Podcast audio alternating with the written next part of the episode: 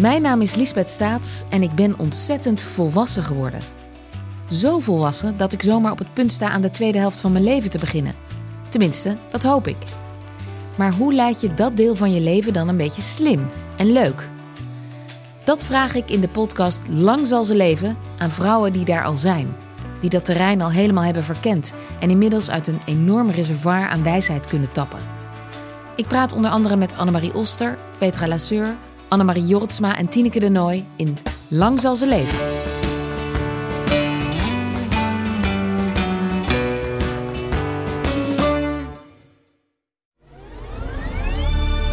Kortie Media. Ja, ik ging met die mensen op de, op de barricade staan. Ik was niet meer heel erg onafhankelijk op dat moment. Ik denk, wacht even, dit klopt niet. Jij hebt het gelijk aan onze zijde. En ik ga gewoon verder graven. En toen kwam die anonieme brief. Ik denk, kijk, zie je? Daar zit iets. Dit is Gonzo, de podcast waarin we praten met journalisten over dat ene verhaal in hun carrière dat ze altijd is bijgebleven. Dat kan zijn omdat het een scoop was, omdat het opzienbarend was, riskant, gelauwerd, ontroerend of onthullend, of gewoon omdat het een goed verhaal was. Mijn naam is Merel Westrik. Tegenover me zit Frans Lomans, oud-hoofdredacteur van Sportweek, Panorama en Nieuwe Revue. Ja, Frans, ehm, wat vind jij eigenlijk? Alle podcasts vertellen altijd aan het begin het recept, de formule van een eh, podcast. Hoe vaak moet je dat hè? eigenlijk doen? Ja, ik weet het niet. Dit is volgens mij de zestiende die we opnemen. Dus Ja. ik, ben, ik ben het wel een beetje zat. Maar Oké. kan ook iedere keer weer dat iemand voor het eerst luistert. Hè? Dus Oké. Voor diegene? ja, Doe, doen we het nog één keer? Oké, we doen het nog één keer. Het recept is heel simpel. We nodigen iedere week één journalist uit hier naar de WPG-studio's in Amsterdam. Ehm, het verhaal waar ze over komen vertellen, dat moet gepubliceerd zijn, uiteraard. En dat zijn wel zo'n beetje de vereisten, toch? Ja, het moet gewoon een bijzonder verhaal zijn. En we moeten degene die we uitnodigen, die moeten we mogen. Hè? Ja. Ik bedoel, we gaan geen vijanden uitnodigen. Nee, nee. Hoewel, valsiteit. soms wel. maar, dat dat, blijkt dan niemand- tijdens de uitzending. Of dat zal niemand aan ons merken dan. Ja. Oké.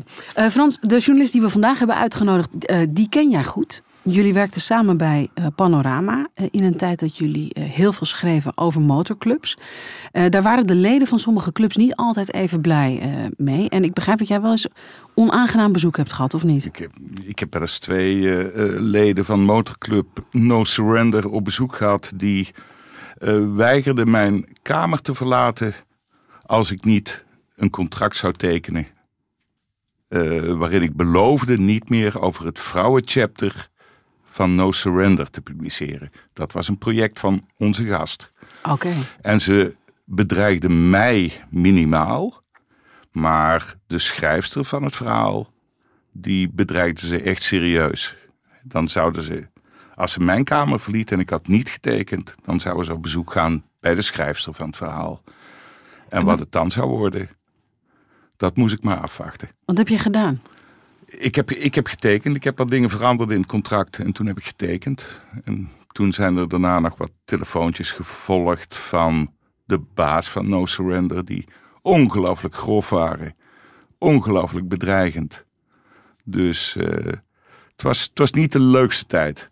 Want eh, ik, bedoel, ik was hoofdredacteur van Panorama. En ik wist een motorclubverhaal op de cover. Dat verkoopt als een tierenlier. Hè? En zoals ik vaker heb gezegd, ik ben, ik ben een ultieme hoer. Dus wat goed verkoopt, dat zetten we voorop, hè? wat het ook is. En dat waren motorclubs, dus eh, ik was daar betrekkelijk onvoorzichtig in verder. Hoe, en, hoe kijk je daarop terug? Want je hebt als hoofdredacteur natuurlijk ook altijd een verantwoordelijkheid als het gaat om veilige werkomgeving bieden en je journalisten ook beschermen. Eh, ik denk dat ik eh, met motorclubs wel wat grenzen heb overschreden waar ik achteraf gezien misschien wat verder vandaan had moeten blijven. En dan zeg ik het heel voorzichtig. Hè? Ik bedoel, ik heb best wat, wat fouten gemaakt. Maar goed, wat ik zei, hoerigheid kent geen grenzen. Ja? Ja. Ja, zo, eh, maar, je had, maar wat, had je, wat had je anders gedaan? Kan je er één? Kan je Ik- één? Ik denk dat ik eh, aan de ene kant kritischer had moeten zijn, aan de andere kant ook voorzichtiger. Voorzichtig. En ja. eh, ik denk dat ik niet steeds bijvoorbeeld onze verslaggeefster zomaar op pad had moeten sturen richting deze motorclub. Oké, je had haar eigenlijk eerder terug moeten halen. Ik had En andere misschien wel eens moeten eerder maken. moeten terughalen, maar onze gast is niet terug te halen. Hè? Ik bedoel, die gaat ook groeien en ruiten. Maar daar komen we zo meteen weer achter. Hè? Kijk, laten we... we, eens- laten we eens beginnen. Ja, Hey. laten we naar haar toe gaan. In de studio eh, deze keer Mylène de La Haye. Mylène, welkom. Hey, leuk om hier te zijn. Ja, Eh, leuk om even- Frans weer even te zien. ja mooi. We beginnen altijd even met een eh, kort cv. Dat is in jouw geval eh, niet heel makkelijk, maar hier toch een poging. Je begon je carrière als filmjournaliste. Tussen 1989 en 1993 was je eigenlijk meer in Hollywood dan thuis. Daarna presenteerde je televisieprogramma's zoals Lief en Leed. En runde je je eigen productiemaatschappij, waarmee je onder andere de serie Mylène de La Haye PA maakte. Dat keek ik trouwens heel graag. Daarna werkte je 16 jaar als journalist bij Panorama. Je maakte heel veel reportages over misdaad eh, en in het bijzonder over motorclubs. Je noemde jezelf op een gegeven moment ook MC-antropologe. En je wilde een vrouwenchapter beginnen bij motorclub No Surrender om erover te kunnen schrijven. Tussendoor schreef je ook nog een kinderboek en nu werk je als freelance schrijver en journalist. En ben je oprichter en zangeres van het trio Mylène Over de Vloer. Yes. Kijk, Gisteren nog opgetreden bij Koningsdag. mooi. Midden in de Jordaan. Ik wil wel even Frans nog eh, zeggen. Jij stuurde mij niet, hè? Ik ging er zelf heen. En jij wilde dat in het begin niet, hè? Dat ik dat deed. Maar je, Je hebt het uit mijn hoofd proberen te praten. Maar is me niet ja? gelukt. en niet uiteindelijk, gelukt. Ben ik, eh, uiteindelijk was het toch mijn Kijk, als hij verantwoordelijkheid. eh, zijn voet, zijn voet op de, hoe zeg je dat, op de Hard rem had op de rem. gezet... dan eh, had ik moeten luisteren, want het was mijn baas. Maar ik heb hem gewoon eh, gezegd... nou, maar dit is fantastisch. Van Binnenuit kunnen we dan gaan schrijven. En, eh, maar ik was wel onvoorzichtig. Mijn omgeving was wel bang voor mijn lijf en leden. ja. En Maar Frans heeft je dus in eerste instantie wel geprobeerd eh, Tegen te houden. tegen te houden. Zeker. Was het een goede baas, Frans, eigenlijk? Ja, de beste. Ja, dat heb ik ook altijd tegen jou gezegd, hè? Hoezo? Nou, hij is gewoon. eh, het is geen baas die zijn gewicht in, in, in, in de schaal gooit. En hij is. Hij kan met humor, kon hij heel erg fijn en prettig laten weten dat het verhaal waar je nu mee aankwam volkomen nergens op sloeg. dus, eh, eh, maar dan werd- je ook niet boos, want hij deed dat heel met de goede woorden en zo. Ja, ik vond het heel fijn om voor Frans te werken. En wat, wat hij zegt, hij had je misschien eerder terug moeten halen. Had jij je terug laten halen? Eh, ja, er zijn wel meer mensen gezegd, die hebben, die hebben gezegd... waarom heeft hij jou in dat gevaar laten zijn? Ik zei, nou ja, omdat ik dacht dat ik dat aankon en hij vertrouwde mij. Hè? Ik ben Ja. natuurlijk niet voor een kleintje vervaard. En ik ben ook niet snel bang. Maar ik was op een gegeven moment wel bang dat ze iets zouden doen... waardoor ik mijn... eh, eh, waardoor ik mijn...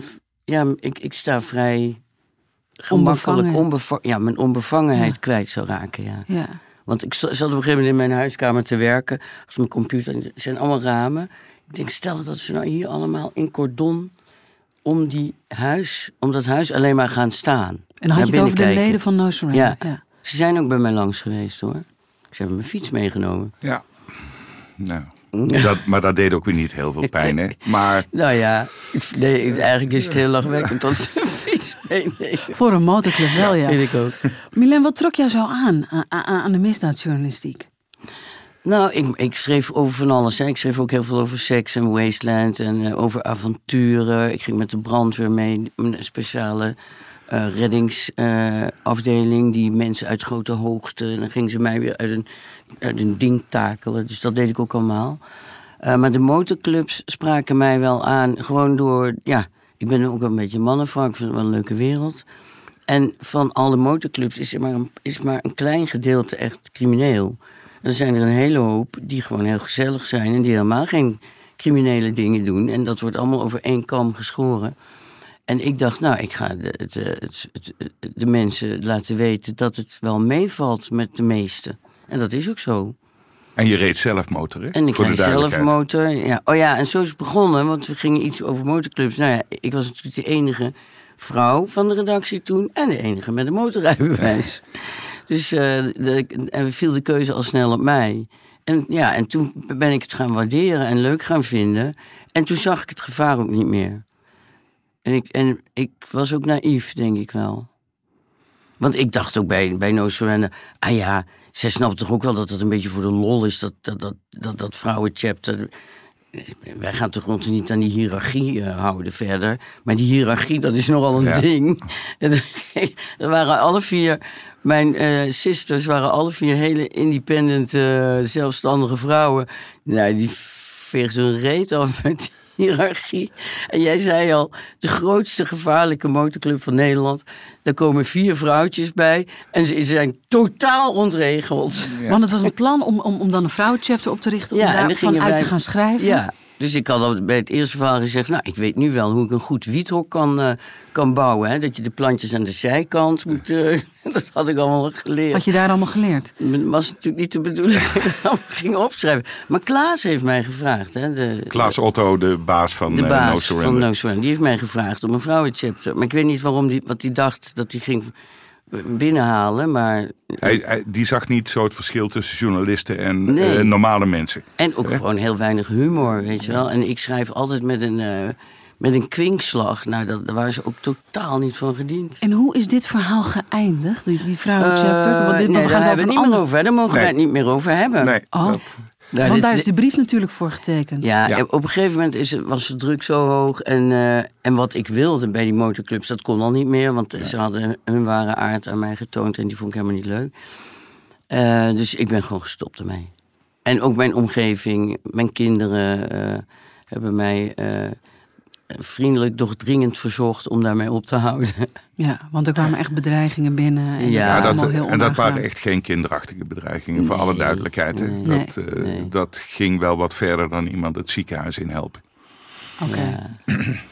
Hey, maar daar gaan we het helemaal niet Maar over dit hebben verhaal gaan we vandaag. het niet over hebben. Over dit verhaal nee, we het maar, niet hebben. Milan, je bent wel op een gegeven moment echt bewust ges- gestopt eigenlijk met, met, eh, met die misdaadjournalistiek, toch? Met het verslaan van hard ben- nieuws, of niet? Ja, nou, ik ben gewoon gestopt met de, met de media. Waarom? Eigenlijk. Omdat ik het ineens niet meer wilde. Ik wilde mijn ziel niet meer vervuilen met al die narigheid. Want kijk, wat doet een journalist? Die zoekt iets wat niet klopt. En daar zet hij een vergrootglas op. En dat beschrijft hij dan tot in detail. Daar was Ja. ik heel goed in. Dus je bekrachtigt eigenlijk alles wat niet klopt. En ik had een soort spirituele awakening. En ik wilde dat niet meer. Ik wilde dat niet meer eh, in mijn eigen ziel. Want eh, dat waren soms waar. Ik had echt wel heftige verhalen hoor. Van mensen wiens kinderen waren vermoord. En oh joh. Eh, ik kreeg er te veel last van. Hoe kreeg je er last van? Nou, gewoon. eh, nou ja, Frans weet dat. Ik, ik, ik kan niet tegen onrecht. Heel slecht kan ik dat tegen. En ehm, ik werd boos en verdrietig. En ja, je hebt dan panorama waar je dan nog wel. Maar ja, zet ook niet echt zoden aan de dijk voor het verdriet van die mensen. Dus je bekrachtigt eigenlijk heel veel narigheid. En dat wil ik niet meer. Dit ook. Ik had eigenlijk ik heb al een paar keer willen afbellen. Ach, ja. Van ik doe het toch maar niet, want ik word weer zo met terugwerkende kracht weer zo fucking kwaad op het verhaal waar we het vandaag over gaan hebben. Het heeft me echt eh, jaren van mijn leven gekost. Want toen we vroegen om te komen praten hier over dat ene verhaal uit je carrière, Ja. wat je altijd is bijgebleven, wist je toen ook meteen, ja, dit is het. Ja? ja. Waarom? Nou, omdat dit het, een, een zeer onbevredigend, naar verhaal is. Waarbij een jonge man is overleden door een totale agressieve politieagent. die alle, allemaal dingen deed die niet klopten. Daarover ging liegen. Toen bleek dat hij had gelogen omdat al zijn, zijn, zijn schietpartij. eh, met zes camera's was vastgelegd. En toen eh, denk je, nou mooi, die gaat gewoon de gevangenis in. Of die pakken ze zijn pistool af, dat is nu klaar. En dat is niet gebeurd. En is het je altijd bijgebleven omdat het zo onbevredigend, Omdat het zo oneerlijk was. omdat het zo oneerlijk was? Ja, er was een jongen, die, die, Michael Coleman hebben we het over. Hij, eh, het was gewoon een fantastische... Ik, ik heb het gevoel dat ik hem ken. Hè. Ik, heb, ik hem pas nadat hij was eh, doodgeschoten.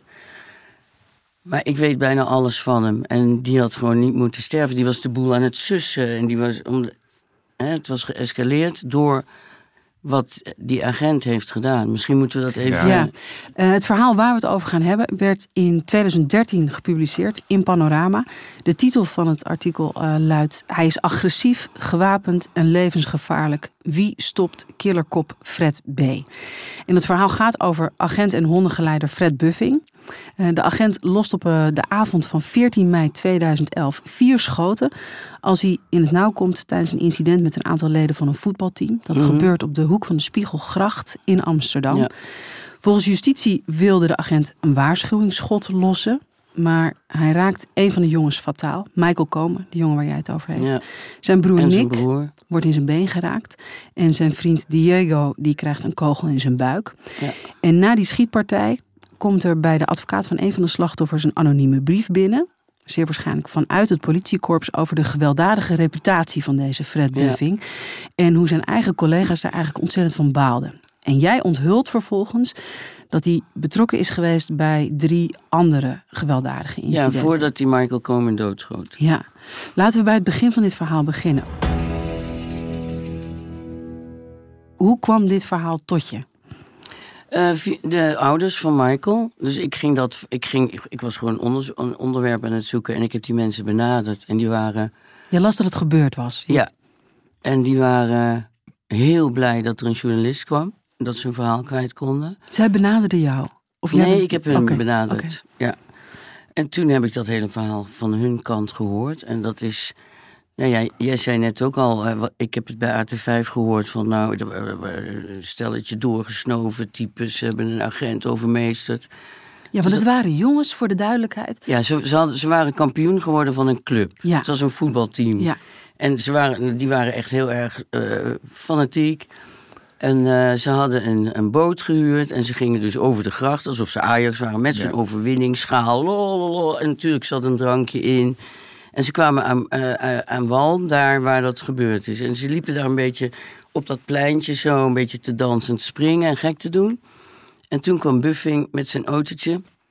En die zag daar een, een, een, een, een- clubje jongens wat plezier had en wat een beetje uitbundig was. Hij is op ze ingereden. Hij heeft er meteen twee aan elkaar, zodat ze de openbare orde aan het verstoren waren, zei hij. Twee aan elkaar eh, vastgemaakt. de broer van Michael en nog iemand. En die heeft hij achterover in, de, in zijn... eh, in zijn- Hondenwagen. In zijn hondenwagen eh, ge- ge- geduwd. En eh, toen kwam de kleinste, Diego, die kwam naar hem toe. En waarom doe je dit? En wat ben je mee bezig? En die sloeg hem met die schaal op zijn hoofd. Maar dat is gewoon een schaal van niks. Hè, die je in zo'n feestwinkel kan kopen. Het hij is ook onderzocht. Er was geen schrammetje op zijn lichaam te vinden hoor. De- Hij zei, oh, groot geweld. Geen schrammetje. En toen is dat allemaal zo geëscaleerd. En, en toen kwam Michael ertussen. En, eh, die, en toen begon die Michael af te ranselen met zijn lange wapenstok. En toen heeft Nick, de broer van Michael, die heeft hem van achter vastgepakt. En hem naar achter getrokken om zijn broer te beschermen. En toen viel hij achterover. En toen heeft hij geschoten. Ze heeft Michael in zijn nek geschoten. Hij heeft eh, eh, Nick in zijn been geschoten. En toen is hij nog naar Diego toegelopen. En die heeft hij zo bijna point blank in zijn buik geschoten. Die heeft in coma gelegen. Die jongen was ook bijna dood. En toen dit eh, gebeurd was, toen kwam het eh, verhaal naar buiten. Ja, En het verhaal wat toen naar buiten kwam, meen ik me te herinneren, was, was echt ja. alsof er eh, echt kooksnuivende, Ja. gewelddadige jongens daar... dat is het verhaal wat hij had verteld. Dus eh, ze hadden hem proberen te overmeesteren. Hij begon met het geweld. Hè? Hij sloeg mensen in hun gezicht en maakte ze aan elkaar vast. En hij vertelde dat hij bijna overmeesterd was door een bloeddorstige, eh, op wraak beluste, doorgesnoven club jongens, wat ze niet waren. En daarna kwamen de camerabeelden. Ja, want hou dat nog even vast. Ja. Want dit wist jij eigenlijk nog helemaal niet. Tot je, je gaat naar die ouders toe. Ja, en ik hoorde dit van hele Michael verhaal. en Nick. En Dit die vertelde verhaal. jou dit. Ja. En ik heb dat ook eh, teruggelezen. En ook dat een rechter had gezegd... eh, meneer Buffing heeft het geweld van de jongens bijzonder overdreven. Dat is allemaal duidelijk geworden. En jij hebt het verhaal eh, opgeschreven. Ja, Ehm, toen jij om wederhoor ging vragen, hè, want je hoort het- hoorde het verhaal aan van de ouders van Ja. Michael en Nick. En van, van, dichte gelederen. Dus er kwam geen commentaar. Niet van Buffing, niet van de politie, niet van niemand. Op alle vragen die je stelde wilden ze niks zeggen. Nee. Dan, dan is dat artikel gepubliceerd Mhm. van de, van, de, van de ouders. Dus dan heb jij hun weergave en de weergave van, van wat er volgens dat team gebeurd is. Ja, Er komt dus geen reactie van het OM. nee. Ehm, hoe ging je toen verder? Toen kregen wij kregen die anonieme brief ook binnen. Maar ik, ik dacht ook, er, er moet meer zijn met deze man.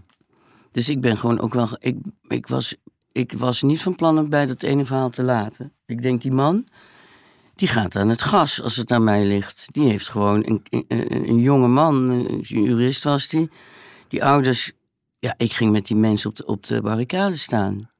Ik was niet meer heel erg onafhankelijk op dat moment. Ik denk, wacht even, dit klopt niet. Wij hebben het gelijk aan onze zijde. En ik ga gewoon verder graven. En toen kwam die anonieme brief. Ik denk, kijk, zie je? Want Daar zit even, iets. even voor de duidelijkheid. Je was woedend, hè? Dat, Woedend. Dat, dat staat me ook bij, ook Ja. zoveel jaar later. En Ja, eh, jij, jij in woedende staat ja. eh, is geen pretje. Nee. Eh, dus dat. Maar toen werd je geholpen door een anonieme brief. Waarschijnlijk uit het politiekorps. Ja, en de manier waarop die was geformuleerd... en met al die case-namen erbij en zo... en, en dossiernummers... Want wat, wat stond erin? Er, stond, er stonden een aantal andere incidenten in met Fred Buffing. En dat zijn collega's ook echt wel last hadden van hem. Dat hij bijvoorbeeld ook bij de ME wilde. En daar mocht hij niet bij, omdat hij te agressief was. En, en, eh, en toen ben ik gaan zoeken. En toen heb ik meerdere gevallen gevonden van misbruik, verkeerd inzetten van zijn hond. Nou, wat die, wat die, wat die voor schade aanricht, zo'n dier, dat is ongelooflijk. Dat wist ik ook niet eens. Ik denk nou een paar kleine gaatjes van die tandjes, maar het zijn hele gaten.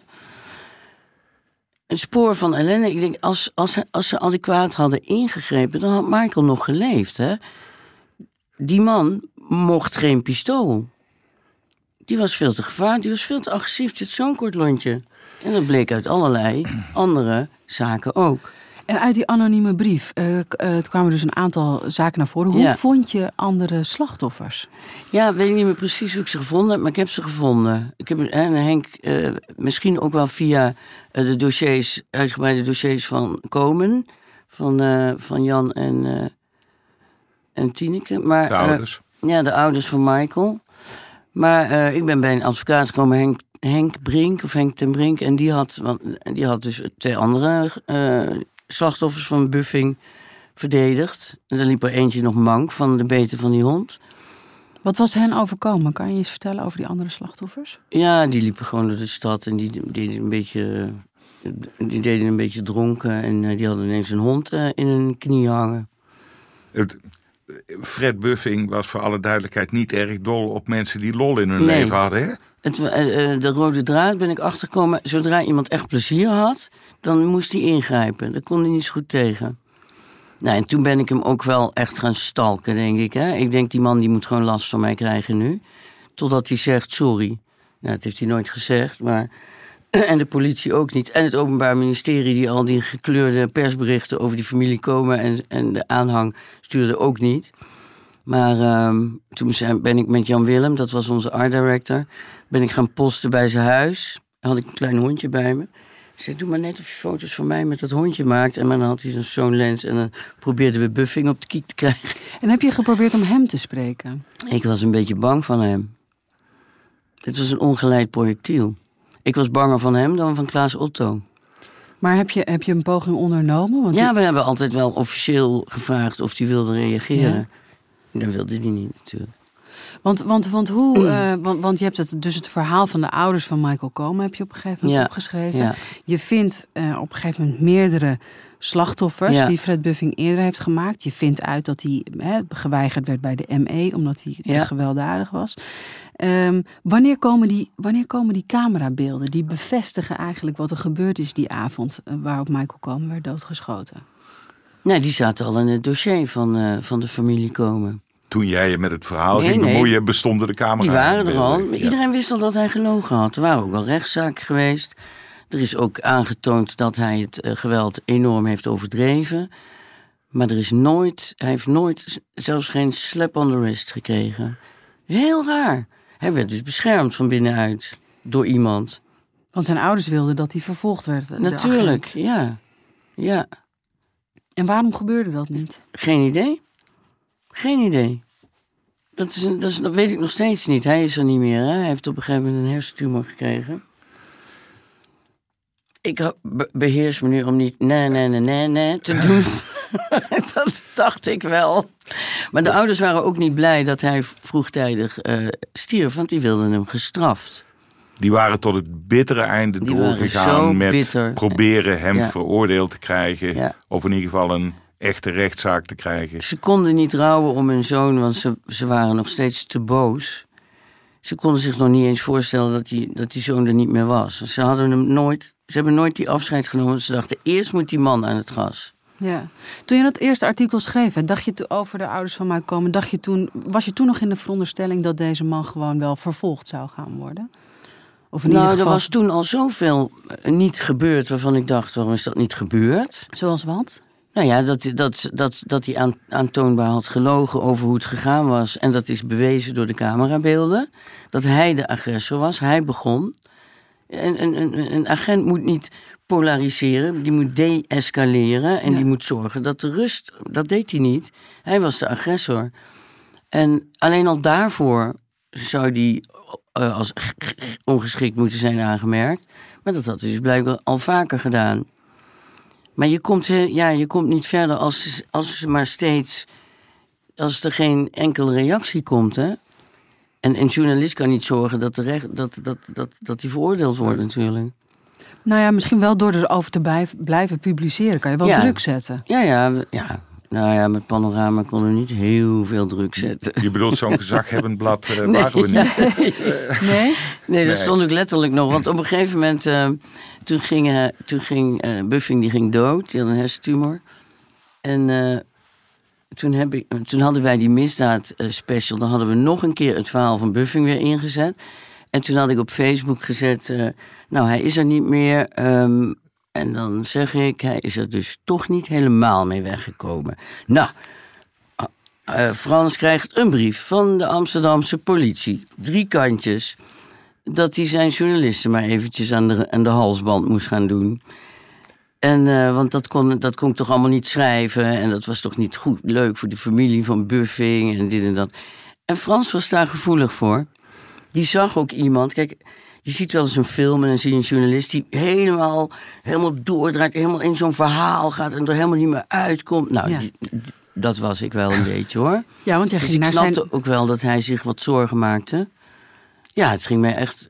Ik, ik, ik vond het ja, Maar hoe ver ging je dan? Want ik bedoel, je ging naar zijn huis Ja. om, het, om het te ook fotograferen. best al ver gaan, hè, dat je iemand gaat stalken bij Maar zijn huis. Wat deed je nog meer?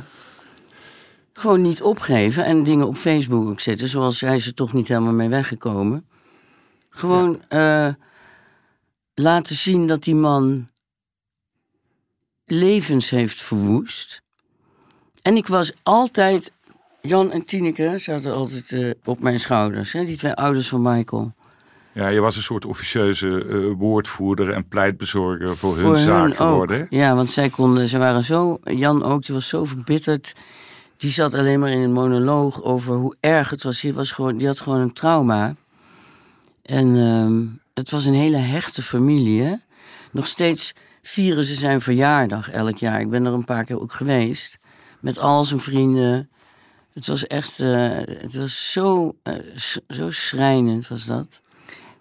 En kijk, Oh ja, en het op, op, op zich was het best een duidelijke zaak. Hè? Een agent had gelogen, had nodeloos Waarom? geweld gebruikt en had in essentie eigenlijk iemand vermoord, hoewel we dat woord ja, juridisch nog niet, niet mogen gebruiken. gezegd? Heb jij nooit gebruikt, ook in verhalen.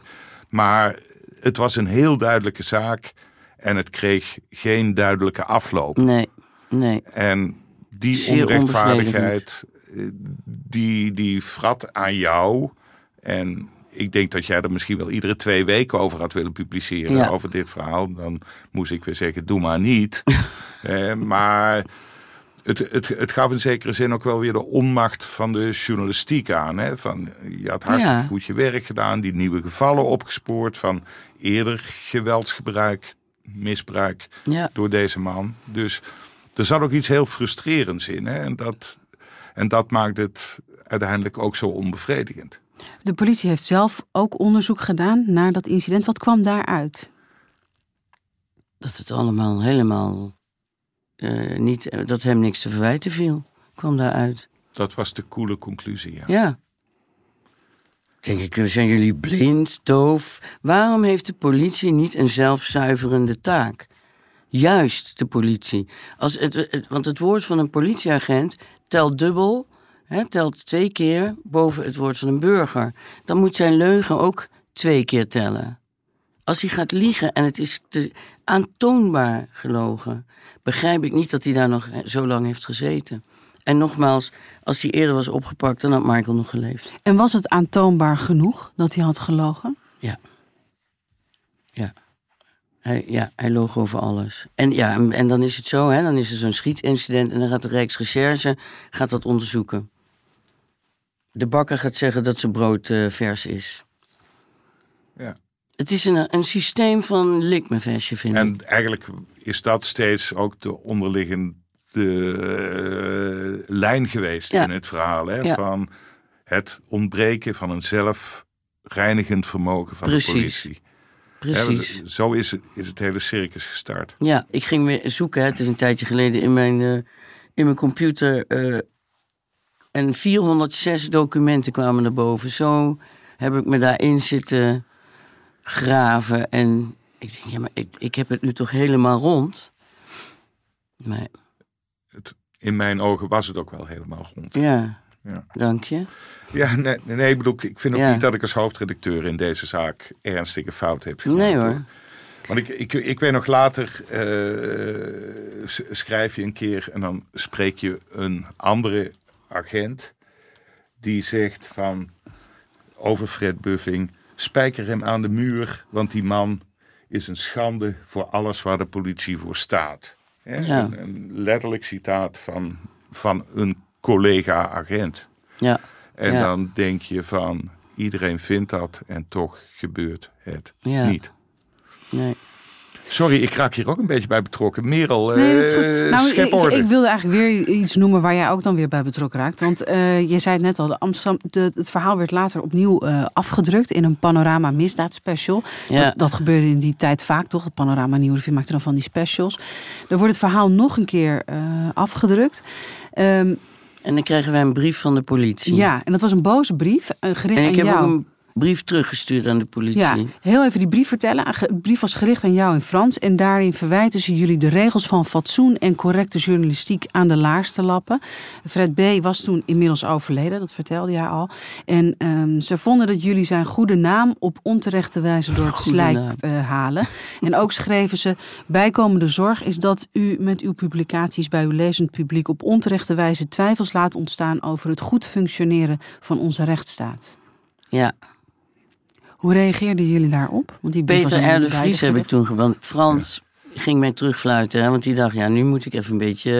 eh, En, toen, en Peter was mijn mentor. Wat zei Frans dan tegen jou? Hoe bedoel je terugfluiten? Nou, die zei, je moet nu niet meer en dat soort dingen op Facebook zetten. En dan zei ik, ja, maar is mijn Facebook. Ja, maar je werkt voor Panorama, dus we hadden wel een dingetje. Dus jij moest van hem eigenlijk jouw, jou, jou, jou, jou, jou, jou- nou ja, hetze zou je het kunnen noemen, maar Stoppen. je strijd eh, tegen Ja. Fred B. stoppen. Ja, maar dat kan ook uit ongerustheid voor mijn persoon zijn geweest. Hè. Ik wil ik eventjes eh, nog... eh, Maar ik was het, toen was ik natuurlijk woest op hem. Waarom was dat Frans? Waarom wilde je dat Milan daarmee stopte? Eh, omdat ik niet het verschil zie tussen privé-uitingen van Milène, want dan is ze nog steeds een journalist van Panorama.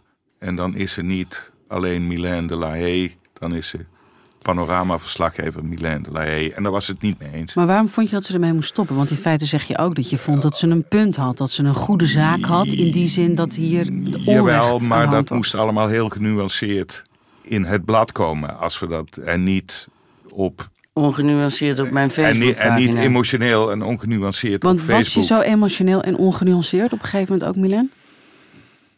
Ik was niet meer de, de onafhankelijkheid zelf natuurlijk. Maar ik vond dat ik op mijn privé Facebook best wel even mocht zeggen... dat hij er niet helemaal mee weg was gekomen. Vond ik ook lekker om te doen. Na zijn Maar- dood, zei deed maar- dat, ja. Maar je noemde net even je mentor Peter R. Ja. Peter. Dus ik, eh, ik ja, ruzie met Frans. En, Pe- en ik ging altijd even bij Peter kijken, wat zou jij doen? Hè? Dat was mijn, die ken ik ook al, die ken, ken.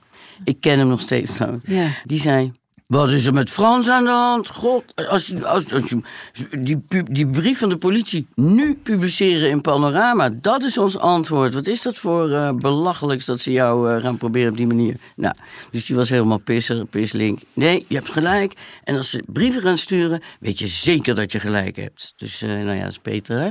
Nog Ja. even vanuit het graf. Die steunde je. Ja. Ja, die steunde mij in deze. Maar ook als, het, als hij vond dat ik het niet goed deed, had hij het ook gezegd. Ja, maar eigenlijk, want de, de politie zei ook, eh, eh, in die boosbrief zeggen ze eigenlijk, op onterechte wijze laten jullie twijfels ontstaan over het goed functioneren van onze rechtsstaat. Waarmee ze zeggen dat wij ons werk niet goed doen. Ja, waarmee je eigenlijk zegt dat de boodschapper de schuldig is. In Ja. deze. Ja. Volgens mij begint dat ook een terugkerend thema te worden in onze, in onze uitzendingen hier. Hè? Van, Ja. Dat horen we ook wel vaker. Hè? Van als je iets onthult, wordt dat heel vaak als argument gebruikt. Van jullie helpen mee de rechtszaak te ondermijnen. Ja. En ja, dat is allemaal de clue niet. Daar gaat het niet om. Zeker Een fout is een fout. We hebben gewoon om fatsoen gevraagd. Maar waarom denk jij, Milen, heb je dat wel eens afgevraagd, waarom de politie zo om eh, agent Fred Buffing heen ging staan? Ik bedoel, vanuit het korps kwam er dus wel die anonieme brief, waarin hè, gezegd werd, collega's balen ervan, hij heeft dan meerdere incidenten op zijn naam. Maar ergens werd hem toch de hand boven het hoofd gehouden. Ik denk ook omdat ze gewoon het, het, het politie als korps, als, als instituut proberen te beschermen. Van nee, wij zijn onfeilbaar. Wat, wat belachelijk is, want juist als politieagent krijg je dingen op je pad. En dan moet je heel zuiver op de graad zijn om daar goed op te reageren. Heel logisch dat soms dat fout gaat. Maar dan moet je ook adequaat reageren. Terwijl als je het eh, toegeeft, dat soort fouten. Ja, dan ben je pas een held. Dan ben je pas goed bezig. Dan gaan mensen ook vertrouwen krijgen in jouw apparaat. Ja. Als jij gewoon zo, zo groot bent om te zeggen, nou, deze meneer is helaas niet geschikt. Die moet iets anders gaan doen. Laat hem lekker die hondjes trainen. Maar geef hem geen pistool. Ja. Ergens lijkt het me voor die nabestaanden van eh Fred Buffing ook wel eh, ingewikkeld. Ja. Want dat betreft dan eh, een vader of een broer of een kind, misschien zelfs wel, wat zich dan zo heeft gedragen. ja. Die sterft dan op een gegeven moment Ja. ook. En dan komt de misdaadspecial van de Panorama nog een keertje. Ja. Met naam en toenaam. ja, de waarheid moet gezegd worden. Hoe, hoe kijk je, hoe kijk je eh, daar tegenaan? Dat interesseerde me geen, geen ene moer op dat moment. Ik denk, nou, jullie hebben, jullie hebben de pech om die meneer als vader, broer, whatever te hebben. Maar hij heeft iets heel fouts gedaan en hij heeft nooit sorry gezegd. En die mensen zijn de dupe, hè? De mensen, zijn slachtoffers, zijn de dupe. Dus je zegt eigenlijk van, eh, ja, maar, maar, ja, maar die nabestaanden worden op een gegeven moment ook een beetje misschien. De dupe, of niet? Je bedoelt zijn familieleden. Ja. Zijn, eh, Ja, Je ziet je toch maar met die naam. ja. En met zo'n Ja. foto van een huis wat dan in zo'n blad gepubliceerd is. Ja, maar het was ook eh, Ja, zo herkenbaar was dat. ook. Totaal niet herkenbaar. Het was echt een, een paparazzi-foto van niks. Die we gemaakt hebben met het oortje van Cookie nog een beetje rechts in beeld. Dat hondje wat we bij ons hadden als een soort afleiding. Nee. Kijk, de, de, de dood is geen excuus voor alles wat je in je leven fout hebt gedaan. hè. Nee, zeker niet. Is, is een beetje mijn opvatting. Maar ja, ik, ik, ik begrijp dat het best voor zijn familie problemen heeft kunnen geven. Hè? Maar de zaak is gewoon niet correct afgehandeld. En ik denk dat hij in jouw ogen een van de meest foute mensen was die je in je leven bent tegengekomen. Ja, was echt een bad guy. Zijn dit dingen die ooit nog recht te zetten zijn? Milan? Zou er nu nog iets kunnen gebeuren waardoor het voor jou niet meer een onbevredigend eh, verhaal blijft? Dit blijft altijd een onbevredigend verhaal. Altijd. Ik heb zelfs nog een liedje, een protestsong, heb ik geschreven hierover.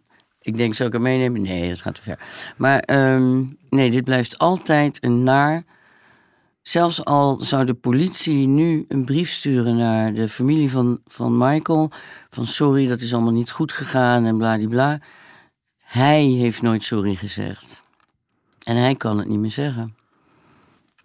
Ik denk niet dat dat nog eh recht te breien is, op geen enkele manier.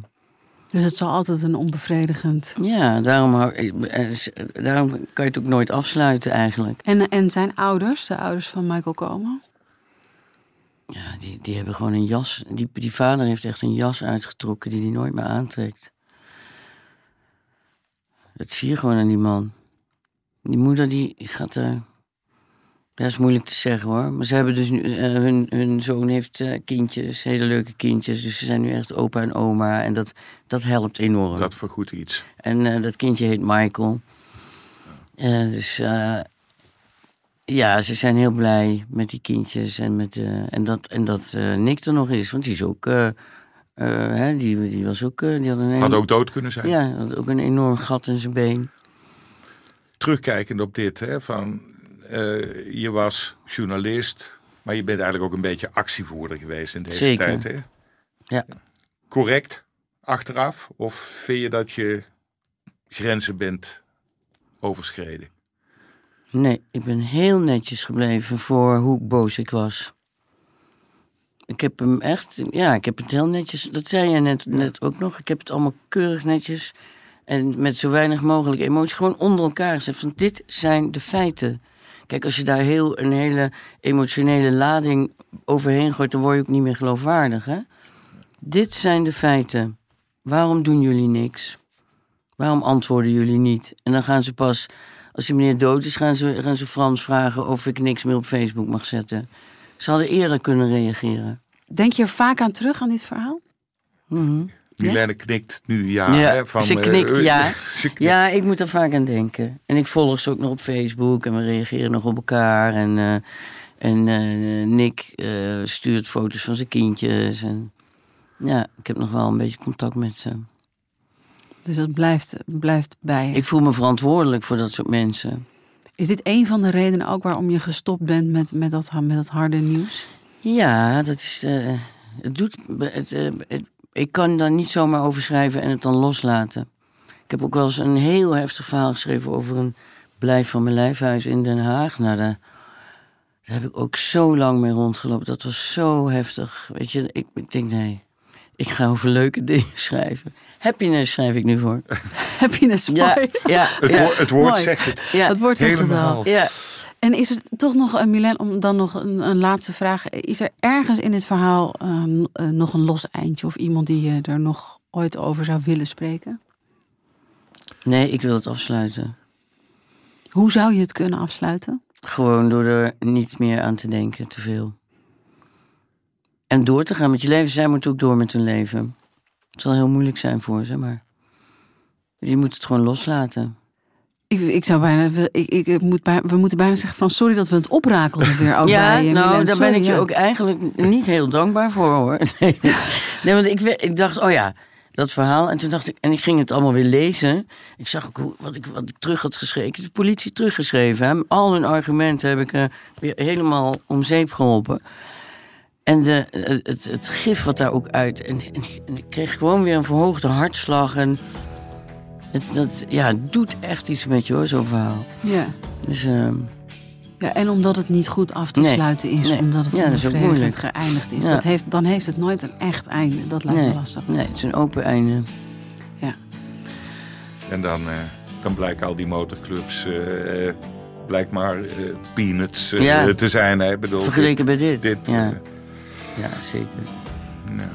Oké, Milen, ik wil je danken voor je komst hier Ja, naar de studio. Dit was Gonzo. Mijn naam is Merel Westerik. Tegenover me zit Frans Lomans. Mocht je vragen hebben, suggesties, mail dan vooral naar gonzo.kortimedia.nl. Deze podcast vind je op Apple Podcast of Spotify. Vergeet je vooral niet te abonneren, dan weet je wanneer er een nieuwe aflevering online staat. En volgende keer eh, weer een goed verhaal. En Frans. misschien een vrolijker verhaal. Wie weet. We gaan het Eh, proberen. Of niet. Het, het, het was, het was een goed verhaal.